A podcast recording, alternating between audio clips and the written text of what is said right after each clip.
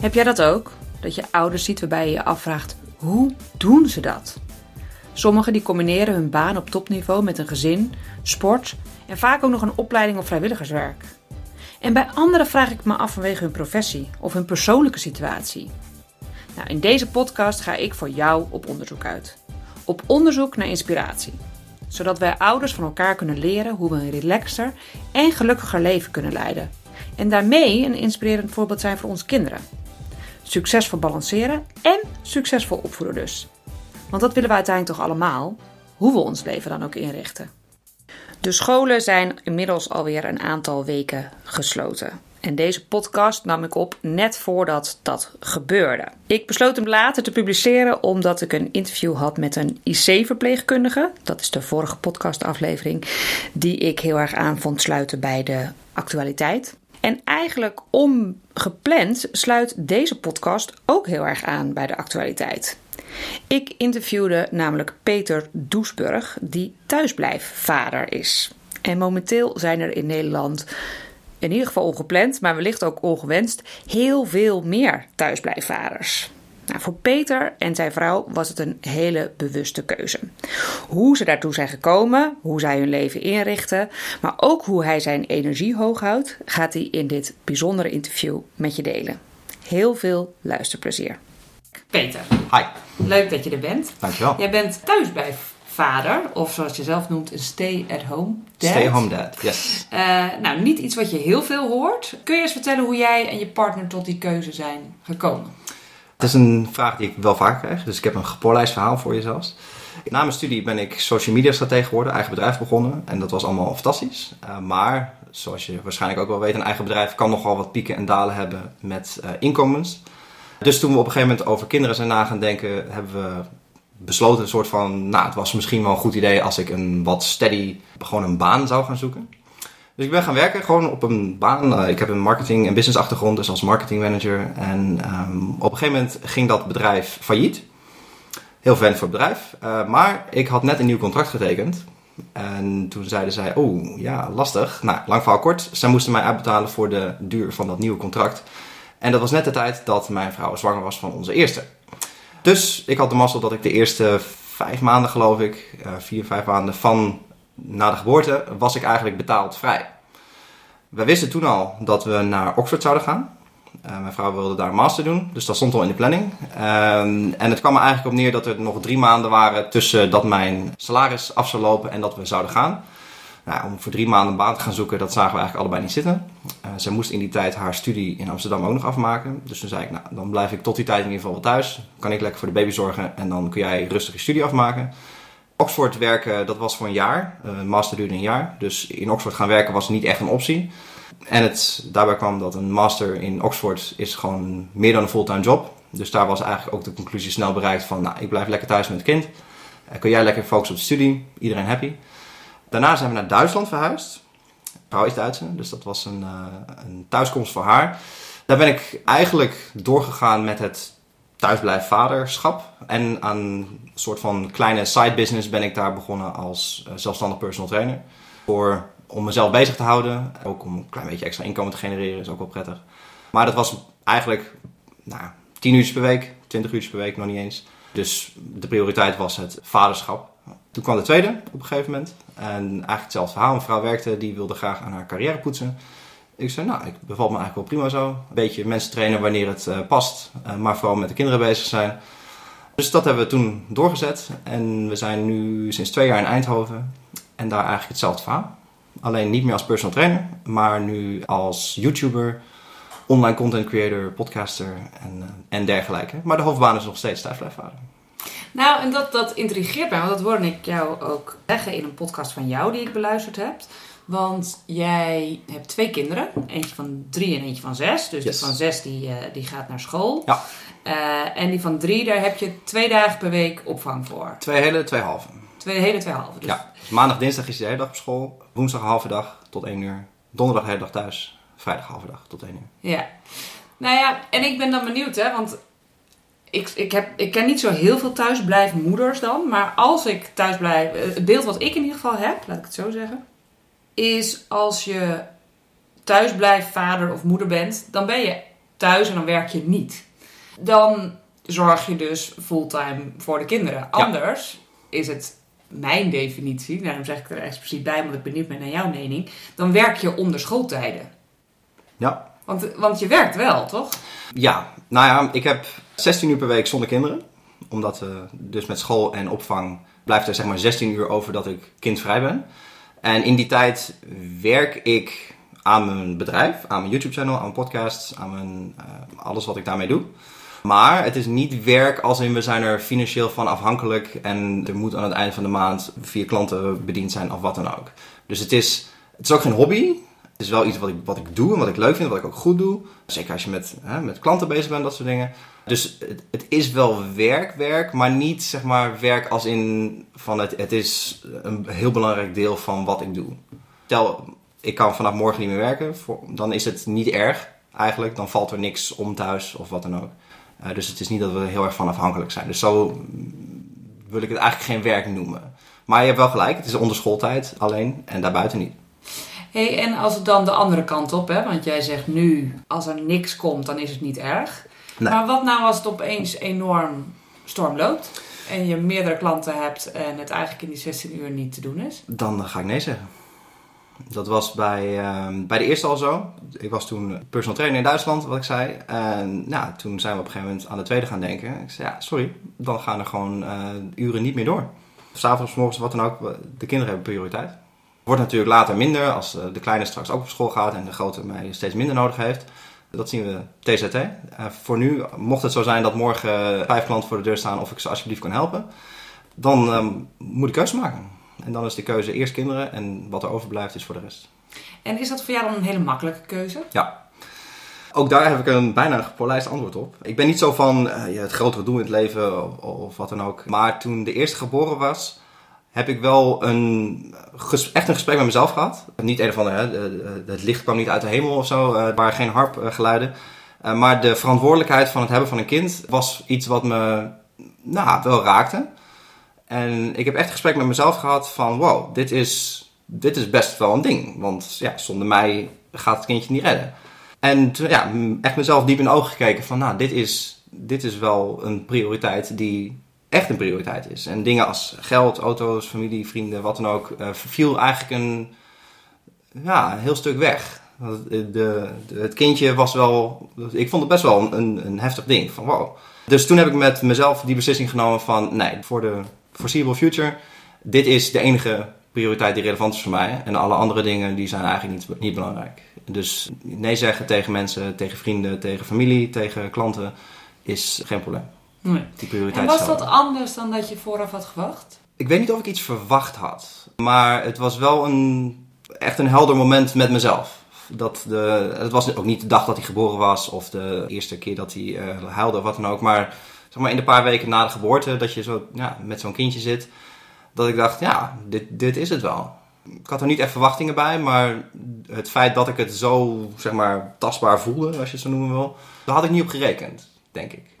Maar dat maakte het ook wel weer extra interessant. Dat, je, dat ik dat gevoel wel erg sterk had van, nou ja, dit is wel, ja, dit is het wel. Ja. En dat, ja, dat maakt de beslissingen om kinderen heen eigenlijk heel makkelijk voor mij. Want de beslissing is altijd voor het kind. Ja. Maar je had dus niet vooraf al het idee, Nee. ik word thuisblijf Nee, nee, vader. Nee. Dat, het is een beetje zo gelopen. Het is, ik moet in alle eerlijkheid toegeven, is dat we het ook kunnen doen. Ik kan me voorstellen dat het niet voor iedereen geldt. Maar het heeft ook wel gevolgen, eh, financieel, eh, tijdtechnisch, wat je wel niet kunt doen. Maar dat is niet gepland geweest. Dus het is een beetje zo gelopen, maar het is, eh, toen het zo viel, hebben we wel, ja, mijn vrouw en ik natuurlijk gewoon gesprek gehad van oké, wat gaan we doen? Ga ik ook werken? Ga ik weer een bedrijf beginnen? Ga ik iets anders doen?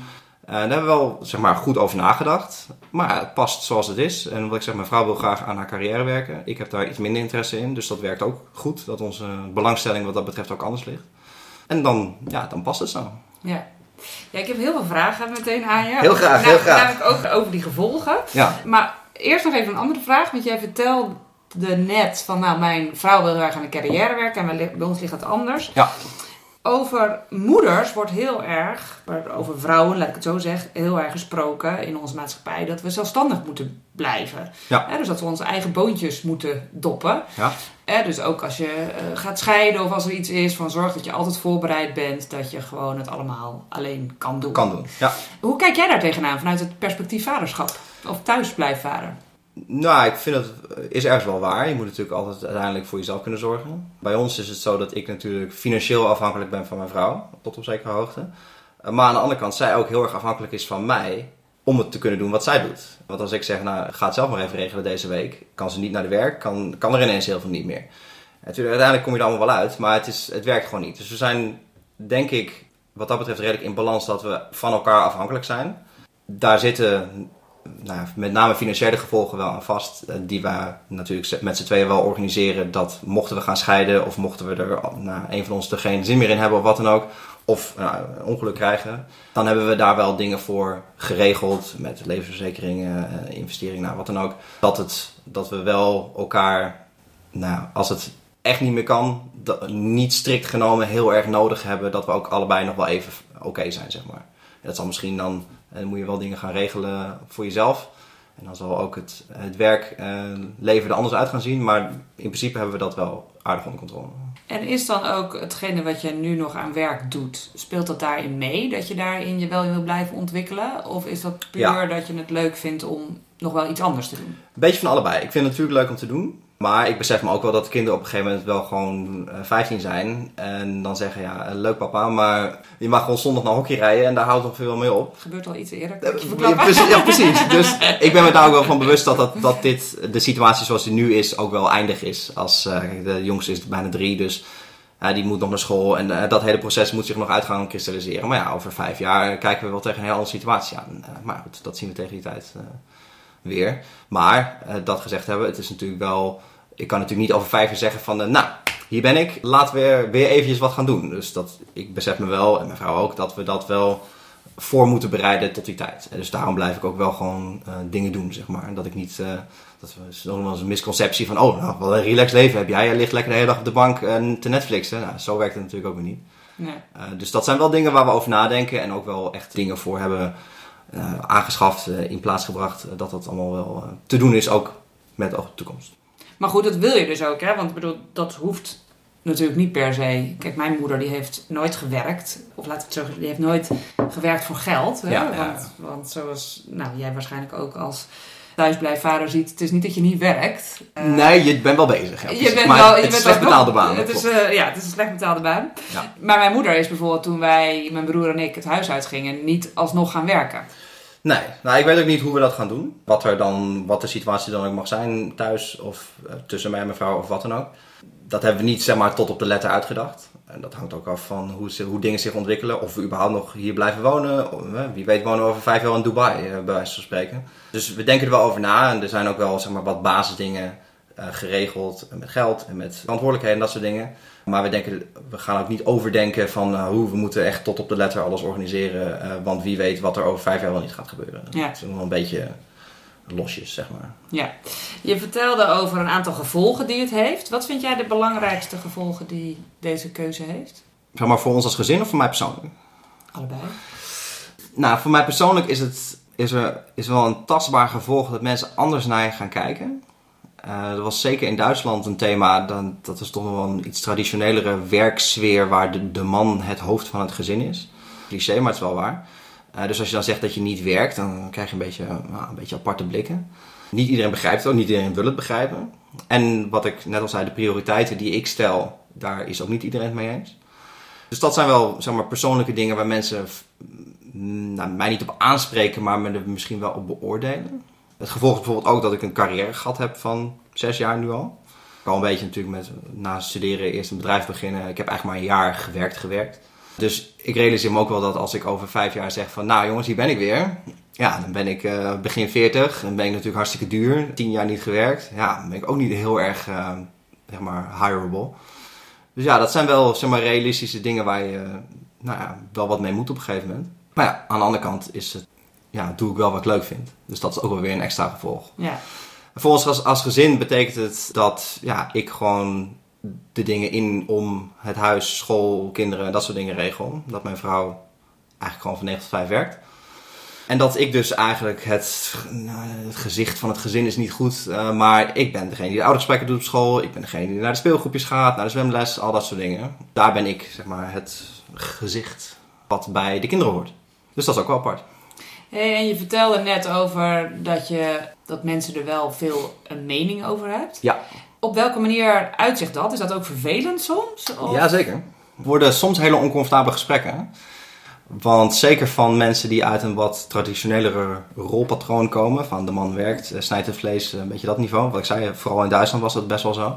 Nou, als je dan een keer zegt, nou, wat, wat doe jij voor werk? Nou, dit en dit. En wat doe jij dan? Ja, ik ben thuispapa. Oh, Oké. Hoe zit het dan met je carrière? Krijg je al dat soort teksten? Nou, die heb ik dus niet. Oh. Krijg je bijna een, beetje zo'n neerbuigend sfeertje soms. Van, oh, nou, goh, voel je ook weer lekker de dag thuis zitten. Nou ja, en als ik dan een keer iets minder neerbuigend vraag van... Uh, goh, wanneer heb je voor het laatst wat leuks met je kinderen gedaan? Ja, dan wordt het een beetje ongemakkelijk. Maar. Dus dat is wel een beetje ja, een apart sfeertje af en toe. Maar aan de andere kant zijn er ook wel weer mensen, zeker vandaag de dag... waar jij natuurlijk alles van weet, waar iedereen heeft het super druk... en het is allemaal uh, rennen, vliegen, hollen. Er zijn ook wel vaak mensen die zeggen van... Ha, oké, vertel. Hoe, hoe, hoe doe je dat? En hoe, waarom doe je dat? En hoe zit het dan met geld en met je vrouw en met de kinderen? En die vinden het eigenlijk heel interessant. Dus dan, soms hoor je er ook wel, een beetje 50-50 denk ik. Dat je, soms mensen heel, ja, hmm, hmm, thuis blijft varen. En andere mensen van, oh, goh, dat kan dus wel. Interessant, vertel eens. Dus je ziet ook wel dat mensen er, de juiste mensen zijn er ook wel heel open voor. Ja. En hoe ga jij om met die reacties, of wat doet het met jou, de reacties, als mensen daar dus meer de negatieve kant op uh, Geen interesse. Doet je niks? Nee, ik ben absoluut niet geïnteresseerd in de mening van anderen. En ik vind natuurlijk zelf dat ik het allemaal fantastisch doe. Maar als iemand graag de discussie met mij aan wil gaan over zijn 100-urige werkweek en dat hij zijn kinderen op zondagochtend even ziet, happy to. Dan wil ik ook graag wel even babbelen over de zinloosheid van het bestaan in een kantoor. Dus ik heb daar niets van mee. Mensen moeten vooral doen wat zij eh, willen doen. Als ik daar geen last van heb, vind ik dat prima. Mensen mij willen beoordelen over iets waar ze zelf geen verstand van hebben, heb ik daar ook geen last van. Nee. Dus dat uh, interesseert me aan de ene kant helemaal niet. En als iemand daar echt zeg maar, vervelend over gaat doen, nou, dan wil ik best vervelend terug doen. Maar aan de andere kant, ja, dat moet ze zelf weten. Ja. Hey, en ik ben ook benieuwd hoe zich dat ontwikkelt tussen jou en je vrouw. Ik heb um, eerder een keer iemand geïnterviewd voor de podcast waar de man, uh, ik interviewde de man en hij gaf aan dat zij de keuze hadden gemaakt dat zijn vrouw fulltime thuis zou blijven bij de kinderen. Waarbij hij zei, we dachten toen we die keuze maakten dat dat heel erg voor balans zou zorgen. Ja. Hij zei, de realiteit is dat het eigenlijk ook best wel veel voor disbalans, met name in onze relatie, zorgt. Hij zegt, omdat ik merk dat het zo verschillend is, de werelden waar we in leven. Hoe ervaar jij dat? Ja, dat is waar. Je hebt natuurlijk altijd een, uh, een die het een doet en de ander die het ander doet. Dus dat is per definitie een onbalans. De keuze zoals die, die gast die zegt dus ja, ehm, ik ga werken. Ja, vaak verdient de man toch meer. Heeft de man al langer aan een carrière gewerkt, hoger salarisniveau, nou dat soort dingen. Dus dat is een, een realistische keuze om te maken. Van, ja, inkomenstechnisch is dat gewoon logisch. Bij ons was dat iets minder zo. Mijn vrouw is, nou, die heeft dus een master in Oxford gedaan, werkt in finance. Ja, dus die verdient in principe beter dan ik dat scheelt. Maar ja, de onbalans blijft er wel. Dat zij dus het werk doet en het inkomen binnenbrengt en ik de rest. Aan de andere kant, dat past wel bij ons als persoonlijkheid. Wat ik net zei, zij wil graag aan haar carrière werken. Zij is, uh, wat is ze, 32 dit jaar. Dus die heeft ook nog echt een carrière voor zich. Ik ben vier jaar ouder. Ik heb daar iets minder interesse in. Dus het, het werkt ook wel goed zo. Ondanks dat die onbalans, zeg maar qua, als je puur naar tijdsindeling kijkt, ja, is er gewoon een onbalans. Want tijdens de week heeft ze daar gewoon geen tijd voor, want ze is op de werk. Ze heeft af en toe heeft ze wel zo'n onderbuikgevoel van ja, ik, ik moet meer, ik, ik wil, moet ik niet meer doen voor de kinderen? Moet ik niet vaker naar school? Uh, dat soort dingen. Daar hebben we het dan ook over. Van, ja, wil je dat dan echt? Weet je, wat, wat ga je daar dan doen één dag in de week? Ja, maar we moeten vaker hebben dat mensen mij zien. Ja, waarom dan? En als, als we er dan een gesprek over hebben, dan blijkt eigenlijk dat het meer een soort ja, onderbuikgevoel zonder onderbouwing is. En als ze dan realistisch kijkt naar van ja, wat wil ik daar dan verder mee? Is dat eigenlijk ook niet zo heel veel. Ja, ik, heb er nog, ik haal er wel echt plezier uit om met andere ouders dingen te doen. Ik zit in alle oudercommissies, uh, speelcommissies, noem het allemaal op. Dat vind ik ook wel echt leuk om te doen. En dat heeft mijn vrouw helemaal niet. Dus ja, het past gewoon goed bij ons. Ondanks dat je, als je puur naar de tijdsindeling kijkt, wel een onbalans hebt. Maar het werkt dus wel. Ja, en in jullie, in jullie relatie? Werkt het eigenlijk ook wel goed. Ja. Nee, ja, het, het systeem werkt goed. Zij kan ontspannen naar de werk, weten dat alles geregeld is. Zij kan, ze komt s'avonds thuis en het eten staat klaar, letterlijk en figuurlijk. Dus ja, dat is allemaal, dat werkt gewoon voor Ja. ons. En dat, dat is gegroeid, dat is ook gepland en dat, ja, dat functioneert goed.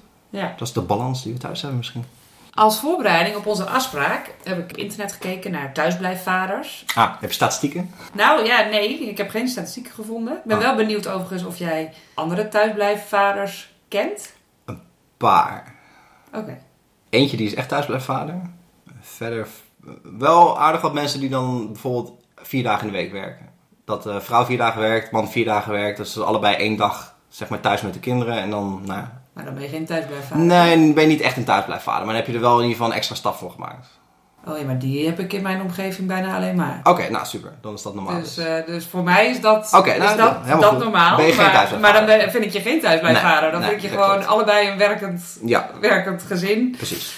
Maar ik las over een onderzoek over thuisblijfvaders. Ah. En de conclusie was dat mannen gezondheidstechnisch minder blijken tegen de taak van thuisblijfvader. Oeh, Ja, ik lees even voor. heel goed. Thuisblijfvaders hebben meer gezondheidsproblemen, maagzweer, hartproblemen en chronische longaandoeningen. ja, ja, ja, ik, ik citeer alleen. Hè.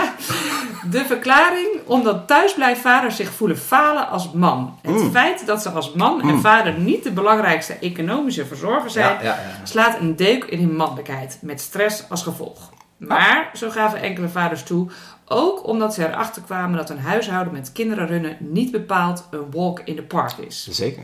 Ik ben benieuwd naar jouw reacties. Juist. De mannelijkheid heb ik vaker gehoord.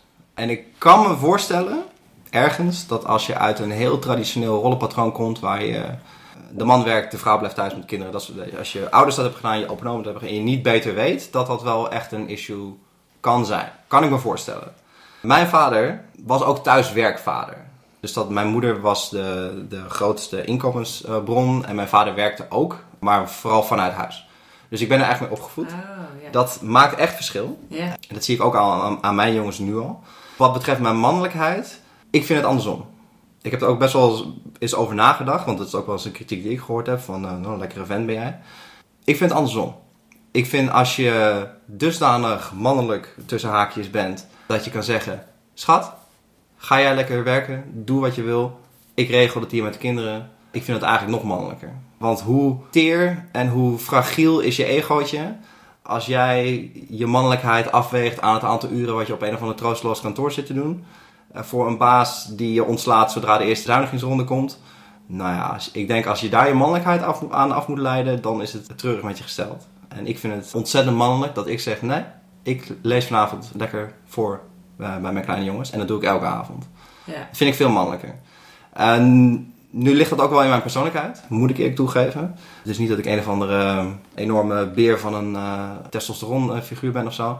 Ik ben niet iemand die onzeker is over mijn mannelijkheid of de breedte van mijn schouders of wat het dan ook mag zijn. Daar heb ik absoluut geen, geen gevoelens bij. Dus ik, ja, ik vind het juist een uiting van mijn mannelijkheid dat ik zeg van nee, ik doe dit gewoon. En inderdaad, het is geen picknick, een huishouden runnen, zeker niet met twee kinderen. Met alles wat erbij komt kijken, of van coronavirus tot eh, gewoon playdates. Maar ja, ik hou daar voldoening uit. Ik vind het leuk om te doen. Eh, ik vind het fantastisch om mijn jongens te zien groeien elke dag. Dus het geeft me geen stress. Nee. Nee. Maar ik kan me voorstellen dat er een behoorlijk verschil is. Dat je als zelf, als... eh, Ja, dat maakt echt wel heel veel uit. Dus ik zie, waar wij wonen zijn heel veel expats. Geloof meer dan, meer dan een derde bij ons in Meerhoven in Eindhoven. En daar zie je zeker uit wat traditionelere landen heb je die hele traditionele rolverdeling. Azië heeft dat, eh, India heeft het. eh, alle Oostbloklanden hebben ook een vrij traditionele rolverdeling nog. En daar zie je wel dat het lastiger is. Omdat gewoon, ja, dat zit er zo ingestampt. Eh, maar, daarbij moet ik wel zeggen, als je daar een gesprek over hebt met dat soort mensen. Die zeggen, nee, de man snijdt vlees, de man brengt het inkomen. En als je dan vragen stelt van, ja, maar eh, wat maakt het dan uit? Je bent toch samen, je bent toch een, hè, een unit. Ja, als je daar een, een open, eerlijk gesprek mee hebt met dat soort mensen, dan zie je ze ook wel een beetje ontdooien. Ja, weet je, het, is maar een baan. Het is maar, eh, je kinderen zijn veel belangrijker. Ja, ja, ja, als je het zo stelt. Dus het is vaak ook wel een kwestie van perspectief. En daarom vind ik het ook wel leuk om mensen die er open voor staan, zeg maar, om daarover te praten. Van mijn rol, eh, de tradi- traditionele rollen, hoe je dat als gezin oplost. En je zegt van, ah ja, nou, het is eigenlijk best te doen. Maar waarom doen we dat eigenlijk niet zo? En als je daar zeg maar, in een relatie ook gewoon een goed gesprek over kan hebben zonder dat je van, eh, nee, ik ben hier de baas en ik regel hier het inkomen. Ja, dat gaat natuurlijk nergens over vandaag de dag. Maar als je dat ja, samen op kunt lossen, dan kun je daar best wel mooie dingen mee doen. Ja. En pleit jij er dan ook voor dat er meer thuisblijfvaders komen? Ik zou het iedereen aanraden. Uh, kijk, wat ik eerder al zei, je moet, je moet het kunnen doen, tot op zekere hoogte. Iedereen kan het doen, denk ik. Uh, je moet vooral ook willen doen. Maar ik denk als je eerlijk bent naar jezelf, naar je partner toe, naar je gezin toe, denk ik dat, je het, uh, dat iedereen het zou moeten doen. En misschien niet dat je zegt van ik ga permanent thuis blijven zoals ik het doe. Nee, misschien doe je het een jaar, misschien doe je het een, een tijdje. Dat je zegt nou, we doen het om en om, of wat dan ook. Maar dat je daar in ieder geval een, een, ja, een goede oplossing in vindt met z'n allen. Dat het voor iedereen werkt. En hoeft het misschien niet fulltime te zijn. Dat je uh, nou, een aantal dagen of nou, hoe je het ook in, inricht qua tijd. Uh, maar ik denk wel dat de rol van de man in het gezin en ook de rol van een vrouw daarmee altijd open moet zijn voor de, in ieder geval discussie en, en eerlijke vragen van nou, waarom, waarom zou ik niet aan mijn carrière mogen werken en jij wel? Dat is natuurlijk niet eerlijk. Dus dan moet je altijd een, ja, een goede verdeling in vinden, denk ik. Ja. Maar ik kan het iedereen aanraden. Ik denk, je leert veel over jezelf. Je over, ik doe het nu zes jaar sinds de oudste. Dus ja, je leert over je geduld, over je prioriteiten, over je, je, je visie op de wereld. Ja, kinderen zijn gewoon ja, bot en direct als ze vragen stellen van ja, waarom is dit, waarom is dat, waarom doe jij het zo? En daar moet je wel antwoorden op hebben. En ik denk dat veel mannen ook niet bereid zijn die antwoorden te zoeken bij zichzelf. En dan wil niet, uh, niet te filosofisch uh, gaan, maar ja, je moet wel soms bij jezelf te raden gaan. Nou, waarom doe ik dit wel? Waarom doe ik dit niet? Het is natuurlijk makkelijk om te zeggen van ja, mijn schat regelt het allemaal thuis wel. En ja, als ik een keer naar de dokter moet, weet ik niet waar ik moet parkeren. Ja, dat is allemaal niet, niet zo, ja, dat werkt gewoon niet, vind ik. Dus ik vind wel dat het, het, het helpt wel om je karakter misschien te ontwikkelen. En ook misschien de waardering voor je vrouw. Als je een vrouw hebt die het huishouden runt. Uh, nou, ga het maar eens twee weken doen. Nou, het is best pittig af en toe. Dus ook zeg maar de waardering voor het, het vak huisouder. Nou ja, ik denk dat het ook wel goed is voor een karakterontwikkelingsprojectje hier en daar. Ja. Het is altijd zo terug, weet je. Als je van die mannen die dan uh, gaat hun vrouw een keer een weekend weg of zo. dat wordt weer een heel weekend Chinees heet. Dan denk ik van, ga je lekker? Of van die, uh, van die vaders die met de telefoon in de Albert Heijn staan. Uh, nee, links bij de champ. Ja, en dan naar boven. Oké. En die groene, die moet ik hebben? Nou, daar kan ik helemaal niks mee. Dat, ja, dat vind ik zo terug. Dat past gewoon niet meer, uh, niet meer in het tijdsbeeld, vind ik. Nee. Iets anders waar ik het over met jou wilde hebben is... Ik heb een podcast aflevering van jou geluisterd. Ja, want je hebt zelf de Stay at Home Dad podcast. podcast ja. En daarin vertelde je over jouw ochtendritueel. Yes. nou, ja, ik dacht dat... Beroemd en befaamde ochtendritueel. Dat moet toch gedeeld worden. Want ik, ja. ik was echt voor een half uur lang... Ik, ik luister vaak podcasts in de auto of tijdens het sporten. In dit geval zat ik in de auto. En ik dacht echt, wat? Hoe doet hij dat? Drie uur opstaan. Ik bedoel, ik heb een man die zo nu en dan van die periode zegt dat hij om vijf uur opstaat. Dat Is vind ik al redelijk vroeg. Ja. Maar drie uur, Elke dag. elke dag. Kan je daar voor, voor de luisteraars die, die die aflevering van jou niet hebben geluisterd, iets over jouw ochtendritueel vertellen? Mijn uh, wekker gaat om 2 uur 59. En dan gaat hij nog een keer om uh, 3 uur 3. Maar 2 uur 59 in principe sta ik naast mijn bed. Dan ga ik sporten. Ik ga eerst douchen, ontbijten. En om uh, kwart voor vier ben ik in de gym. En dan sport ik tot kwart voor zeven. Dus dat is inderdaad drie uur sporten. Nou, dat was ik namelijk Ja. aan het bedenken. Want je vertelde, in die podcast vertelde je in ieder geval, ik ga sporten. Maar ik dacht, hè, sporten? Drie tot zeven. Ik ja. dacht, dan heb ik toch nog steeds heel veel uren over, dacht Nee, ik. ik ga drie uur sporten. En dan ben ik om ehm, nou ja, vijf of zeven weer thuis. En dan wordt iedereen net wakker. En dan ga ik het ontbijt voor de rest maken. En dan ga ik nog eten. Je sport elke ochtend drie uur. Ja, het, is, eh, het klinkt, het klinkt heel veel. stil. Het klinkt heel veel. En het is het op zich ook wel. Maar de achterliggende gedachte, ook, ook dat is gegroeid. Ik ben niet op een gegeven moment op maandag van nou, nu gaat het gebeuren. De kleine gaat naar opvang. Twee hele, twee halve dagen, wat we eerder al zeiden. Het is een beetje apart, vind ik, om uit te leggen dat je, wat kost het tegenwoordig, 8,50 per uur betaalt voor daycare, zodat ik kan gaan sporten. Dus dat past niet. Plus als ik nog iets productiefs wil doen in die 16 uur zonder kinderen, kan ik niet daar nog elke dag eh, drie uur van sporten van afhalen. Daarbij komt dat kinderen is hoop lawaai, hoop dingen, hoop dingen die je moet doen, van playdates tot zwemlessen. Dus het kost gewoon veel energie. En die energie haal ik uit sporten. Daarbij komt ook dat die drie uurtjes morgens zijn mijn quiet time. Er is, geen, er is geen verkeer, er zijn geen mensen in de sportschool. De eerste geloof ik komen om vijf uur. Dus ik hoef daar met niemand te praten. Ik hoef over, nergens over na te denken. Ik kan lekker muziekje luisteren, gewichten tillen. Het bloed kan even stromen, even goed zweten. Een beetje rekken en strekken. Dus Maar even. even, ja oké, gerust. een, een beetje meer dan Als ik ga even. sporten ben ik meestal wel een uur, eh, een uur bezig. Nee, het is, het is echt mijn quiet time. Waar niemand me lastig valt, waar ik met niemand hoef te praten. En die quiet time neem ik wel een bewuste keuze, maar dat is wel iets wat ik echt nodig heb. Je bent de hele dag met, met die kinderen onderweg en met, eh, met klanten, met YouTube filmpjes, wat dan ook. Dus dat is mijn relax tijd eigenlijk. En daarbij komt dat het sporten, eh, je, je refereert net even aan de aflevering met eh, Henry Schut. Ja, dat die sport zorgt wel echt dat ik de rest van de dag ook makkelijk trek.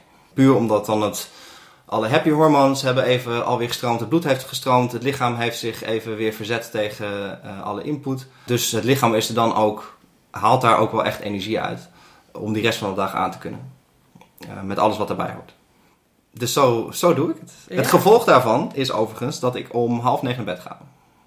Ja. Want ja, je kan natuurlijk heel tof om eh, 12 uur naar bed gaan, maar dan sta je niet om 3 uur op. Dat is gewoon niet te doen.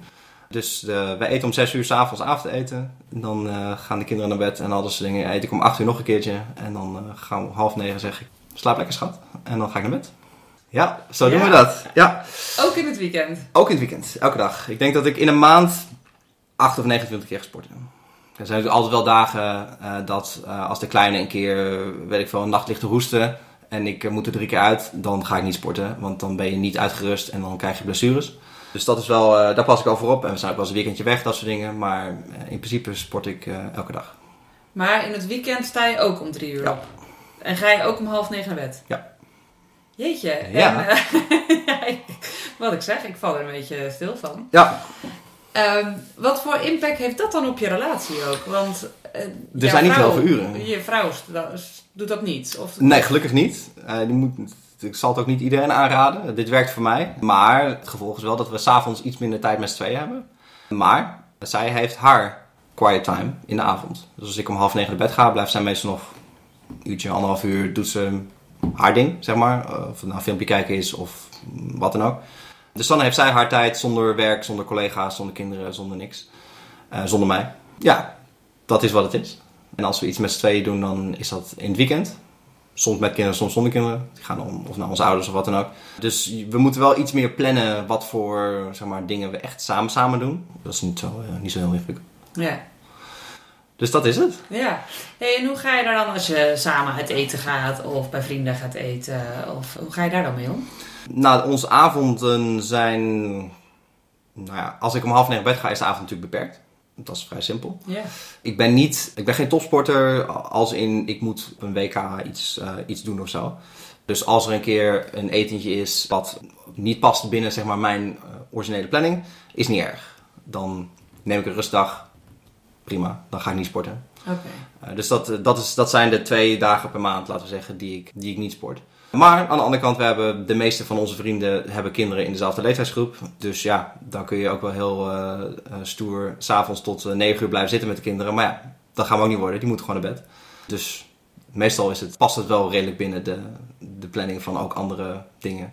Maar als we bijvoorbeeld naar de film gaan of als we een weekendje weggaan met z'n tweeën, wat dan ook, ja, dan, dan wordt er even niet.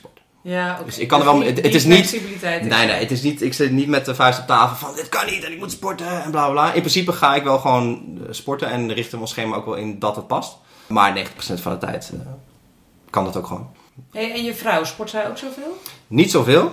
We hebben vroeger eh, één keer samen gesport dat was geen succes. Dus we hebben gezegd, nou dat moeten we vooral niet meer doen als we onze relatie fris willen houden. Maar die doet vooral yoga en dan twee of drie keer in de week. Die gaat lekker naar een yogagroepje en doet daar haar ding. En dan, eh, dat is meestal wel in de avond. Dus dan regel ik het wel, wel met de kinderen. Ja. Dus dat kan dan Ja. ook wel weer. Mooi. Ja, dat is trouwens ook aan iedereen aan te raden. Niet alleen om huispapa te doen, maar eh, dat sporten is wel echt een fundamentele levenskeuze. Ik heb toevallig vorige week een expert talk, geen podcast, maar een expert talk opgenomen over dat eigenlijk alles begint met fitness. En dan niet fitness als in je moet naar een fitnesscentrum om daar te gaan fitnessen. Misschien is actieve levensstijl een beter woord. Want ons lichaam is in principe gemaakt om elke dag een marathon te lopen. We zijn gewoon een, een, een fantastische machine, is je lichaam. Die als je er goed voor zorgt, je ook alle zeg maar, voordelen van dat fantastische machine geeft. En andersom ook niet. Want als je er niet goed voor zorgt, dan krijg je op een gegeven moment problemen, hoe je het ook bent of keert. Dus door dat lichaam juist zo heel veel te stimuleren met sport, ga je beter slapen, je gaat beter eten, waardoor je weer beter kunt sporten. Dus het is een hele tastbare, visieuze cirkel, waar eigenlijk alles beter van wordt. Er zijn eigenlijk geen nadelen van, behalve dat het natuurlijk tijd kost en blessures kun je ook over praten. Maar de voordelen zijn zo groot, want dat sporten specifiek geeft mij echt de mogelijkheid om met alles wat er zeg maar, op een normale dag, maar ook op een abnormale dag gedaan moet worden, of onverwachte dingen of wat dan ook, om daar eigenlijk vrij makkelijk mee te dealen. En ik, ik geloof heilig in dat ik puur omdat ik fit ben, gewoon makkelijk met dingen om kan gaan. Met stress, met druk, met rennen naar afspraken, wat dan ook mag zijn. Daar kun je gewoon makkelijker mee dealen als je fit bent. Uh, en zodra dat vicieuze cirkel omgedraaid wordt naar een negatieve spiraal, waar je een beetje weinig energie hebt, dan ga je nodig uit tot slecht eten, dan ga je dingen Red Bull drinken, ben je niet scherp meer, waardoor je slecht gaat slapen, nou ja, enzovoort, enzovoort. Dat is eigenlijk alleen maar negatief. En dat is super moeilijk om weer om te draaien.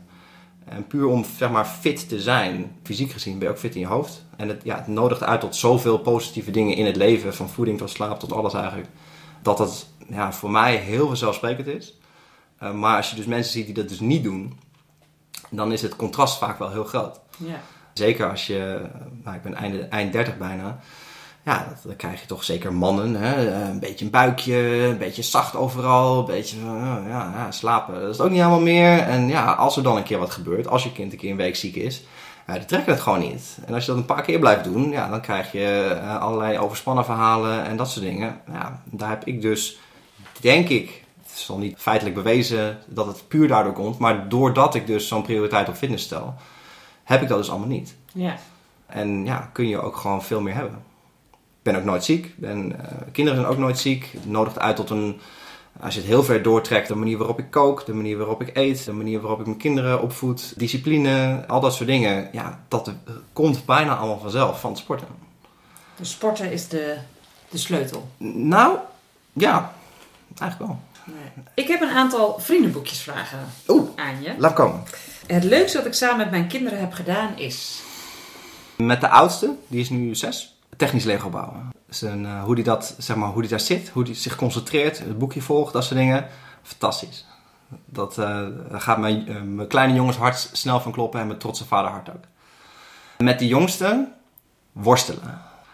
Op een gegeven moment had hij een fase, een halfjaartje geleden of zo. Toen wou hij iedere keer met papa vechten. En duwen en rollen en echt stoeien, zeg maar. En ook dat was wel een, heel trots papa momentje ergens. Dat het zo'n, zo'n ja, echt zo'n beertje is. En als hij zich dan echt aan het afzetten was, dat ik dacht van zo, daar zit al best wel wat power in die kleine pootjes. Ja, dat, dat laat mijn sporthart sneller kloppen, zeg maar. Maar ook mijn, mijn trotse papa hart van, oh, mooie jongen. Ja. Dus dat, is, uh, dat zijn wel, ja, de mooie dingen. Afgezien van uitjes en vakanties en dat soort dingen. Ja. Mijn kinderen hebben me geleerd dat. Dat alle andere dingen in het leven, behalve je kinderen, nou, je gezin, eigenlijk niet zo belangrijk zijn. Dus je baan, geld, huis, wat dan ook. Allemaal niet zo interessant. Nee. Relatief, allemaal leuk voor je, voor je leven, maar je kindjes zijn echt het enige wat telt. Ja. En je vertelde mij al dat je uh, elke avond voorleest. Wat is jouw favoriete voorleesboek? Dat is het boek wat zij het leukste vinden op dat moment. Momenteel hebben we een boek over onder de aarde en onder het water. Wat eigenlijk helemaal geen verhalenboek is, maar dat laat zien hoe een rioolsysteem werkt, uh, hoe een archeologische opgraving werkt, hoe een duiker zijn duikfles werkt. En dat vinden ze allebei fantastisch. De kleinste wil alles lezen over hoe poepwater en afvalwater in een rioolzuiveringsinstallatie komt. Ja, je verzint het niet. je leert zo ook eens wat. Ja, en uh, de oudste die wil altijd het onderwaterdeel lezen over onderzeeboten en uh, olieplatformen. dat soort dingen. Ja, het gaat nergens over. Heel erg eigenlijk. Ja, ja, precies. Ja, maar weet hoe de wereld in elkaar zit. Dus mijn favoriete boek is het boek wat zij het leukst vinden. Ja. Mijn grootste opvoedblunder. Blunder? Oeh. Oeh. nou, ik vind het natuurlijk zelf ook fantastisch doen. Nee, blunder. Nou, ik heb geen structurele blunders. Ik heb wel ze, ik heb ze wel eens een zetje gegeven dat ze per ongeluk op hun tanden vielen of zo. Maar ja, ongelukje. Maar nee, geen blunders. Mag je op terugkomen zo? Als je, Ja, ik, ik, zal, ja, ik laat hem, ik laat hem even marineren. Ja. De beste manier om het weekend te beginnen is... Om drie uur opstaan en havermout eten. Ook in het En. Ja, absoluut. absoluut. Ik zou best graag een dagje willen ruilen met. Met een leerkracht op een basisschool. Omdat? Eh, nee, ik zou wel een dagje willen ruilen met een lerares van een, of een leraar, leerkracht van een basisschool. Omdat ik, ik heb nogal wat uitgesproken ideeën over opvoeden. Over dingen die wel en niet kunnen binnen een gezin of een klaslokaal of luisteren en dat soort dingen. En ik zie dat niet iedereen het daarmee eens is. En ook niet iedereen de dingen doet zoals ik het doe. Dat moet natuurlijk vooral zo zijn, alsjeblieft. Maar ik denk eh, dat ik wel eh, enige ideeën heb over bijvoorbeeld discipline, over hoe je als kind volwassenen aanspreekt, hoe je met anderen omgaat, dat soort dingen. En dat is wel iets wat ik misschien eh, in de toekomst zelfs nog wel aan kinderen bij zou willen brengen. Of in ieder geval, misschien niet eens dat, maar ook wel eens om eens te toetsen of mijn ideeën daar inderdaad zomaar in een klaslokaal zouden kunnen passen. En of dat eh, wellicht tot weerstand leidt, of juist niet, of wat dan ook. Ja. Misschien nog wel een carrièreperspectief. Ik zou er niet heel erg verbaasd over zijn als ik op een gegeven moment nog wel iets in een leraar sfeertje zou kunnen gaan doen. Ja. Dus misschien iets voor als de kinderen 15 zijn. ja. Je weet het niet. En de laatste, ik ben een goede ouder omdat. Dat is voor die opvoedblunder. De opvoedblunder, er ja, zo da- goed. daar wordt nog aan gewerkt. Ik ben een goede ouder omdat mijn kinderen mijn hoogste prioriteit zijn. Ja, en in principe daar alles voor wijkt. Ja. Ik geloof wel erg in, in wat dat betreft, in, eh, zeker bij jonge kinderen, in kwantiteit over kwaliteit. Kijk, niet elke dag hoeft een educatief hoogtepunt te zijn, maar gewoon met je kinderen naar school lopen. En, goh, waarom zijn die wolken grijs? Of waarom gooien die mensen afval op straat? Waarom hebben auto's eigenlijk winterbanden? Dat soort basisdingen, normale gesprekken, denk ik, zijn het fundament voor de relatie met je kind. Natuurlijk ben ik ook bij de tennisfinale en bij het schooltoneelstuk en dat soort dingen. Natuurlijk ben je daarbij. Maar ik denk als je alleen bij die dingen bent, ben je een hoogtepuntouder. En ik denk dat juist de kwantiteit op, op de jonge leeftijd die mijn kinderen nog hebben, boven de kwaliteit gaat. Gewoon bij ze zijn, met ze zijn. Eh, er zijn ook dagen dat, zo, donderdag is Jack, de, jongste, is altijd thuis. Er zijn ook dagen dat we gewoon drie uur lang op de grond liggen en een uh, Duplo-toren bouwen, die hij dan vervolgens omgooit. Ja, weet je, als, dat, als hij dat leuk vindt, dat is zijn dag, prima, dan is dat dat. En dan hoeven we echt geen gesprek te hebben over de zin van het leven en het hiernamaals, maar dat is gewoon samen zijn. Ja. En dat is wel voor kleine kinderen in ieder geval heel belangrijk, denk ik. Ja. Dus dat, misschien maakt dat mij ook wel een goede ouder, dat ik die tijd er ook in wil steken. Ja. Is er iets wat je nog kwijt wil of iets wat ik niet heb gevraagd, maar wel had moeten vragen? Ah, ik heb een paar van je podcasts beluisterd en je begon ze allemaal met wat is balans voor jou? Mhm. Eh, die vraag heb je me nog niet gesteld. Ik heb wel over nagedacht. Voor mij is balans. eh, Ik had, ik had eerst eh, bedacht om er. Kan zeggen, balans is als je 74% van de tijd. nou dat soort dingen. Dat, dat is het denk ik niet. Ik denk dat balans voor mij is. Alle dingen doen die ik kan en moet doen. Sommige dingen moet je namelijk gewoon doen. Maar met genoeg marge om onverwachte dingen te kunnen aanpakken. Zonder dat de rest van je leven daardoor beïnvloed wordt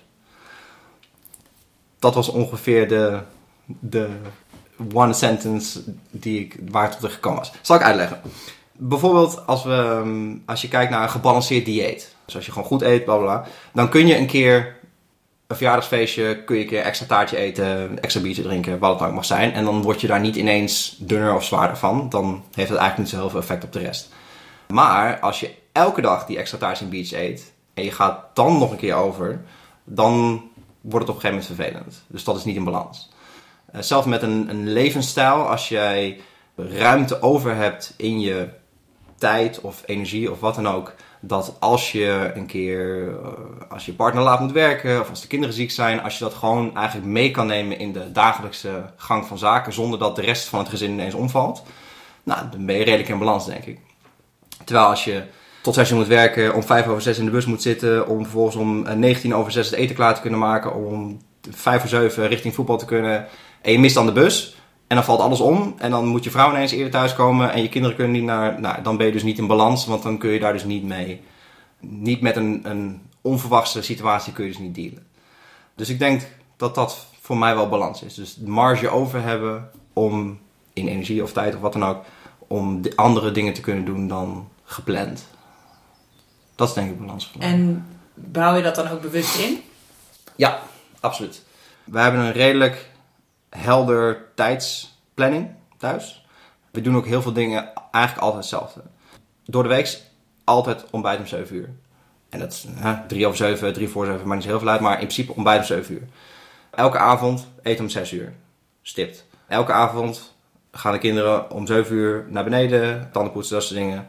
Eh, dat is ook 5 over 7, allemaal prima. Maar in principe is onze planning vrij strak.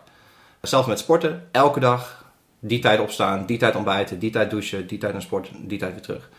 In het weekend is het ietsje flexibeler natuurlijk, want hè, je hoeft nergens te zijn strikt genomen. Maar ook daar is het weer rustritme, regelmaat, als je het zo wil noemen, eigenlijk altijd wel strak gepland.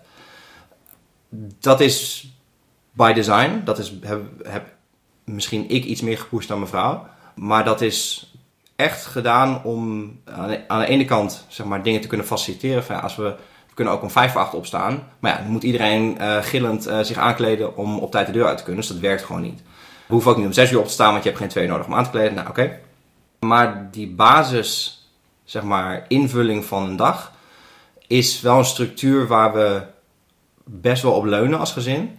Dat dat ook wel altijd eigenlijk een, een helder fundament is over, over ons leven van dag tot dag. Het gevolg daarvan is dat je aan de ene kant een redelijk rigide proces hebt, maar aan de andere kant wel een heel solide fundament. En dat is wat ik ook een beetje bedoel met die balans. We hebben dus altijd marge om onverwachte dingen op te lossen, omdat we dat fundament zo sterk hebben staan. Er is dus geen twijfel over wanneer ik boodschappen doe, want dat doe ik altijd op dezelfde dag. Er is geen twijfel over wanneer ik begin met koken, want dat doe ik altijd op hetzelfde moment. Uh, is altijd simpel, helder en dat is altijd hetzelfde. En dat geeft flexibiliteit om andere dingen makkelijker te kunnen meenemen. Want je hoeft er niet van, oh, oh, maar wanneer doe ik dan boodschappen? Want dat is dus niet aan de orde. En dat maakt het niet saai, maar wel stevig.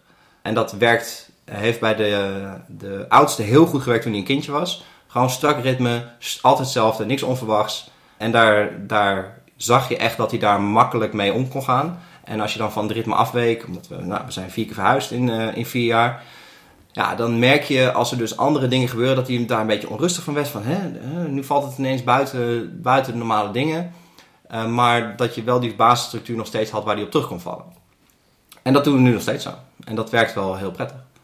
Dus dat is wel een, een sterk, ja, sterk fundament van, van een levensstijl, van een ja, stressvrij bestaan als je het zo wil noemen. Ja, stress hebben we eigenlijk niet echt. Dus dat is, ja, is wel prettig. Ja. Dat werkt wel goed. Stress en keuze weet ik niet of dat echt waar is, maar ik, ik vind dat altijd wel. Ja, je, kan, je kiest wel vaak voor stress. Het is allemaal uiteindelijk gewoon je eigen keuze. Dan snap ik wel dat de dingen soms moeten, waar je misschien niet helemaal achter staat. Maar ja, als je een basis hebt waar je makkelijk op terug kan vallen, dan kun je met dat soort dingen makkelijk omgaan. Ja. Dus dat is wel prettig. Dus het is, uh, ik hoop niet dat, dat mensen die luisteren denken van, uh, jeetje, wat is dit voor een rood? Uh, met zijn sport en met zijn planning van de dag. Ik vind het een, een, ja, een prettige manier van ja, je fundament van je bestaan gewoon op orde hebben. Dan kan je de rest eigenlijk wel makkelijk uh, meepakken. Dat nou, uh, ja, als mijn vrouw zegt, uh, we gaan een, die had de laatste een van een management trainingsprogramma. Ja, dan moet ik vier dagen weg. Nou, geen probleem. Weet je, want ons, onze basis is gewoon geregeld. Dus ik weet waar ik moet zijn, ik weet waar ik heen moet, ik weet wat de planning is. Niks aan de hand. Ze, ze werkt in finance, dus nou, eind van de maand is altijd even, dan moet de maand afgesloten worden. Dus dan is er extra, wordt er wel eens overgewerkt. Maakt allemaal niet uit, want de planning is gewoon hetzelfde. De kinderen gaan nog steeds op dezelfde tijd naar bed, gaan nog steeds op dezelfde tijd eten, staan nog steeds dezelfde tijd op. Dat is gewoon helder. En dat geeft wel heel veel rust ook. Ja. En ik denk als je dat soort dingen wel goed inricht, dat je dus juist die rust ook wel weer meeneemt. En dat is echt prettig. Ja. Dus dat is uh, nou, niet neurotisch, maar wel ja, stevig. En stressvrij. Uh, ja. Nou, ja, dus zo, uh, zo doe ik het. Dankjewel. Dus gaan we sporten. Dat uh, wilde delen met mij en, uh, en met de luisteraars. Wil je meer weten over Peter of de manier waarop Peter en zijn vrouw het reilen en zeilen binnen hun gezin regelen? Luister dan ook eens naar de Stay Home Dad podcast. Die net als deze podcast via alle reguliere podcastkanalen te beluisteren is. Dankjewel wederom voor jouw aandacht en je tijd voor het beluisteren van dit interview. En ik wens je een hele fijne dag verder.